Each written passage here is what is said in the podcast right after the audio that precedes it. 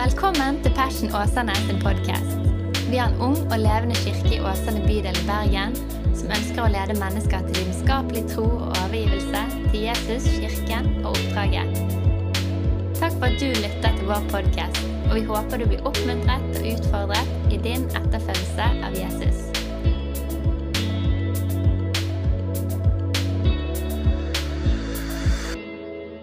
Til alle sammen, riktig god jul til alle og enhver. Har dere det ganske greit? Ja. Det er jo et retorisk spørsmål som enhver predikant stiller. Det er jo ingen som sier nei, så det er jo et trygt spørsmål å stille. Men god jul. Og jeg fikk streng beskjed av staben i Passion, som består av min kone og min svoger, at jeg ikke skulle snakke så lenge i dag. Selv om jeg har forkjærlighet for kalendere istedenfor klokker, så skal vi prøve så godt vi kan. Men du, det er jo en reason for the season, som mange gjerne har hørt tidligere. Og jeg vil tro at flere av dere leser kanskje juleevangeliet i løpet av kvelden, eller man har hørt det tidligere i dag. Er det noen som har hørt juleevangeliet før i dag? Som Nei. Ikke så kristne, denne gjengen. Men det er sikkert mange som skal lese det i kveld. ikke sant? Opp med en hånd hvis det... Oi, oi, oi, det var mange. Utrolig bra.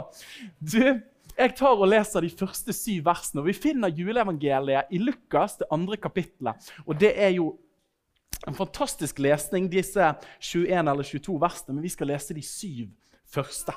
Der står det Og det skjedde i de dager, sånn som vi har fått lov til å se, litt sånn som vi så i sted, var det det skjedde. Litt. Eh, og det skjedde i de dager at det gikk ut et bud fra keiser Augustus om at hele verden skulle innskrives i manntall. Denne innskrivningen fant sted mens Kverinius var landshøvding i Syria. Dette er jo ord som mange av oss kan utenat, og syns at Kverinius er et litt vanskelig navn å uttale. Og ytterst få vurderer det til sine sønner i dag.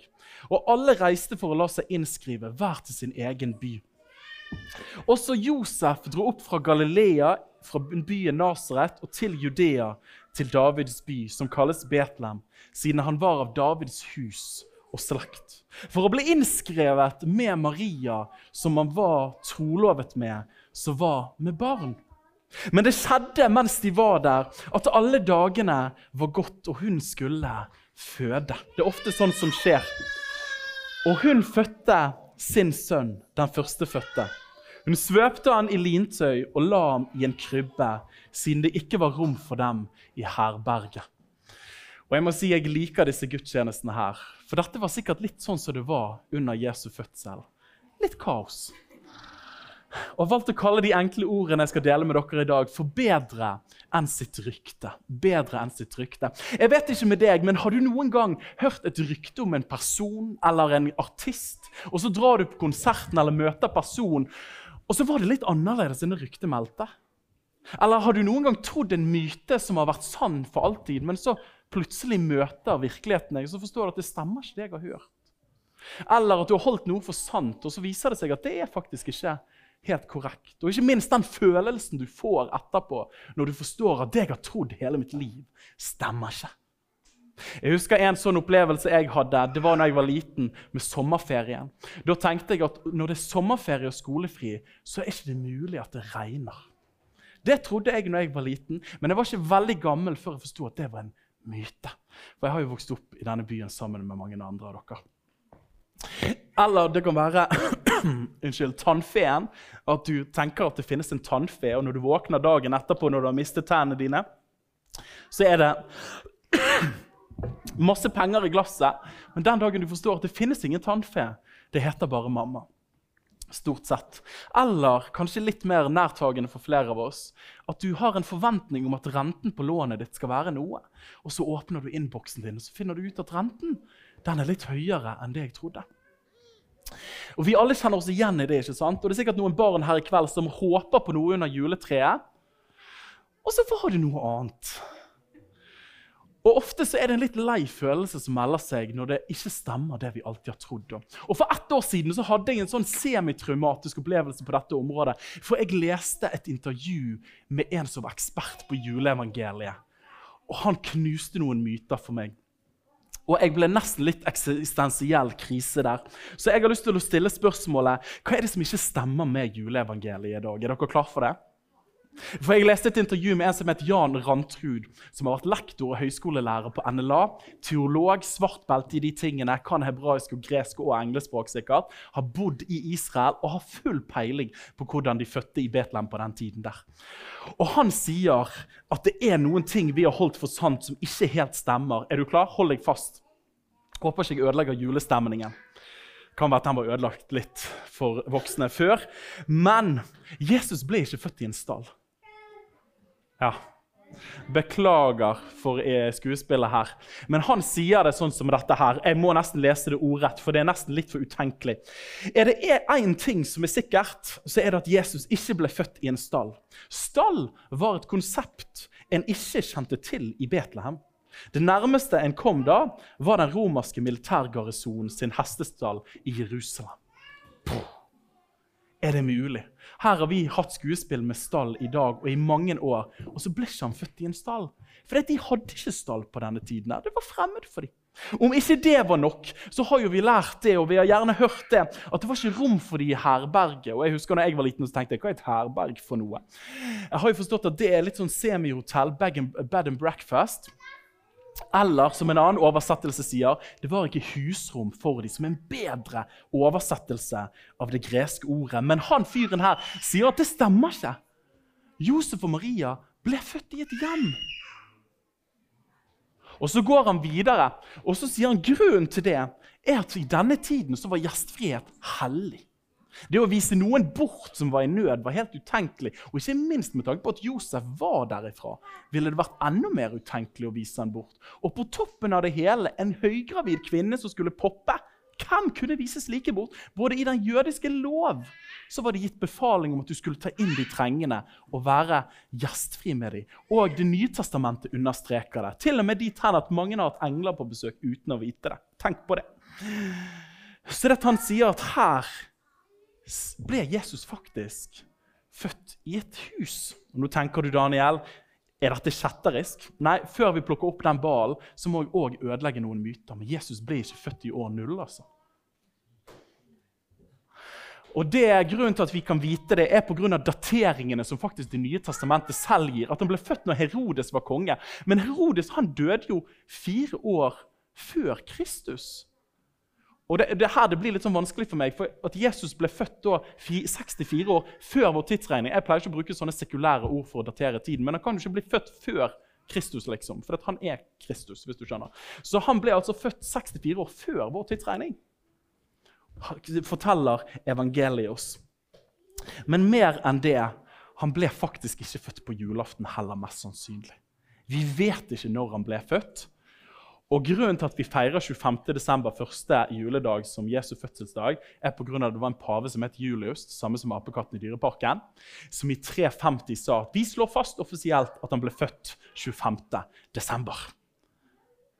Men så sier Augustin, en av de kule folkene i Oldkirken, det var ikke så dumt. For på denne tiden her så er det vintersolverv.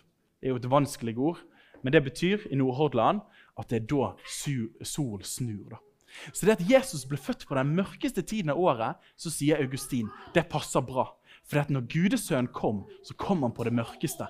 Men fra den tid så blir det gradvis bare lysere. Så vi holder fast på 24. og 25. desember, hvis det er greit for dere.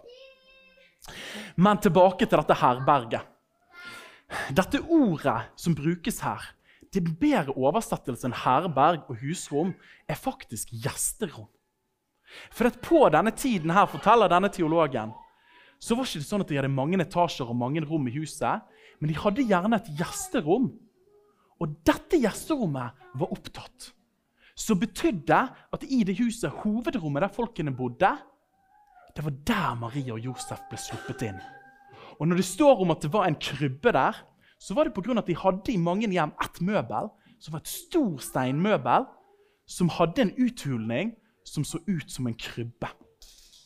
Derfor er det at det står at Jesus ble svøpt og lagt i en krybbe. Han ble født i hovedrommet istedenfor gjesterommet, som herberg er en dårlig oversettelse. Så beklager for å ha ødelagt de mytene for dere. Vi kommer til å fortsette med litt uortodoks skuespill sikkert i mange år framover likevel. Men da har jeg lyst til å løfte opp en av de vakre faktaene her. For det som er vakkert med det her, er at når Jesus ble født og svøpt og lagt i en krybbe, så er det et veldig sterkt billedbruk som mange av oss har gått forbi for mange av oss. For Betlehem det er et par veldig gode steinkast fra Jerusalem. Og Betlehem var egentlig bare en overnattingssted for pilegrimsfolk på vei til Jerusalem for å ofre under påsken ofte. Så Betlehem de hadde slått seg opp på en stor gildebusiness. Det var at de dyrket fram offerlam som skulle føres via en spesiell rute til Jerusalem under påsken. Så når lammene ble født i hovedrommet i huset, ble de svøpt og lagt i denne krybben. Er dere med meg?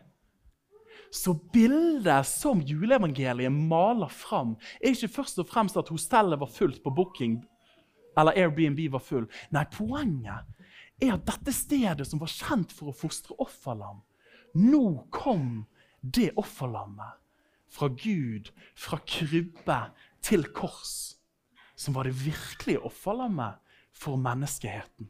Derfor er det vi møter når slektningen til Jesus ser Jesus for første gang i Johannes-evangeliet. Så sier han 'Se der!' Kan du si 'se der'?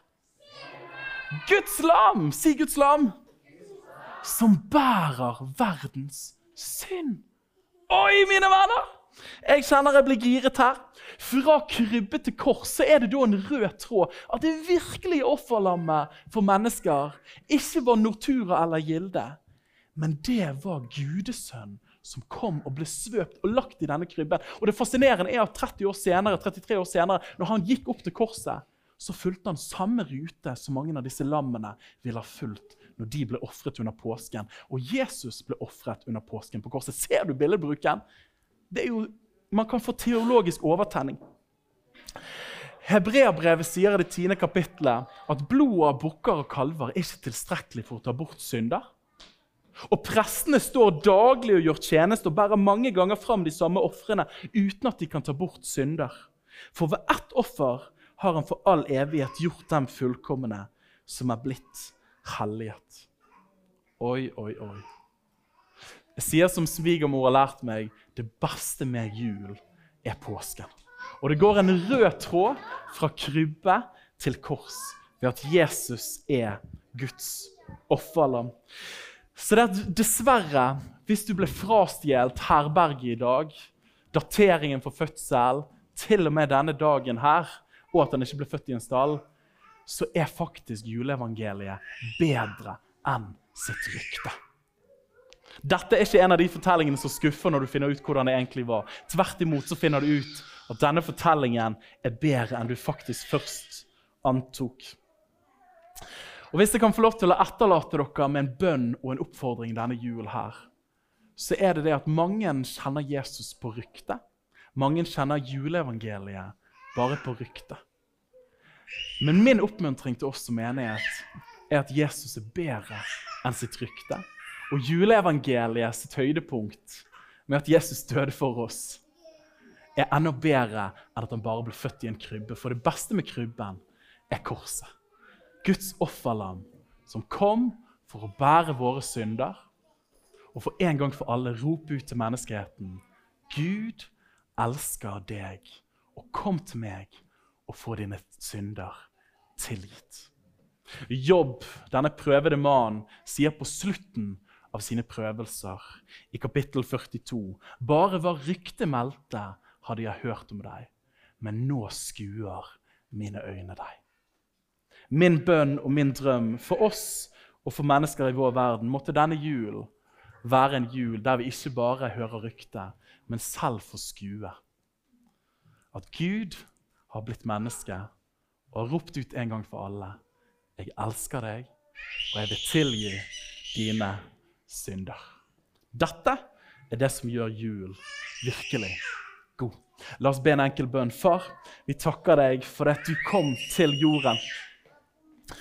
Og Jesus, Jeg har lyst til å be Herre, om at midt i staffasjen og midt i fortellingen så ber jeg om at julens virkelige budskap, om at du er Guds offerlam som bærer all vår synd, skal få lov til å være det vi tar med oss. At vi ikke bare skal høre ryktet, men selv få skue deg med våre øyne til liv for vår sjel i navnet Jesus Kristus. Amen. Amen. Da skal vi få lov til å reise oss og synge 'Deilig er jorden'.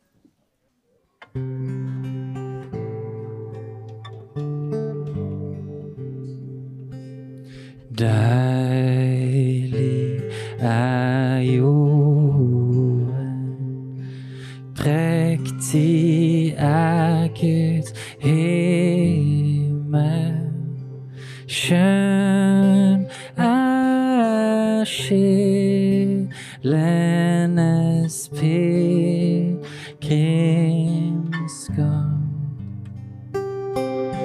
Gjennom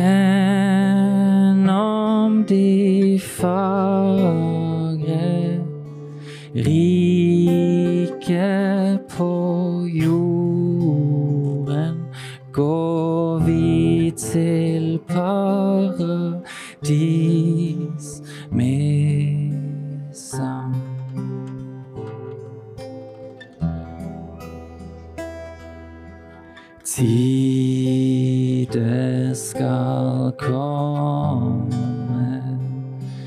tide skal hen rulle. Slekt skal følge slektens gang. Aldri forstumme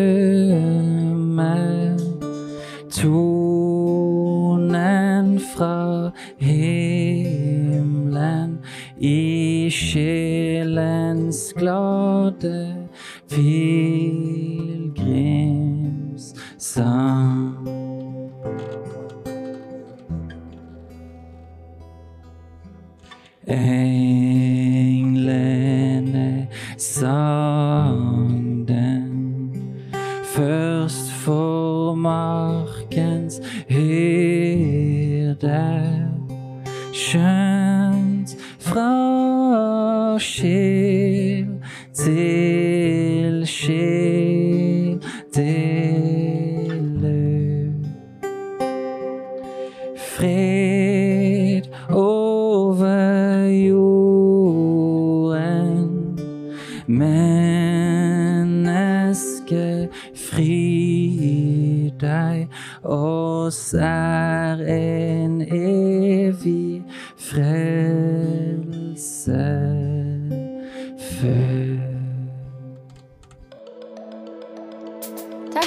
Lyttet til vår podkast.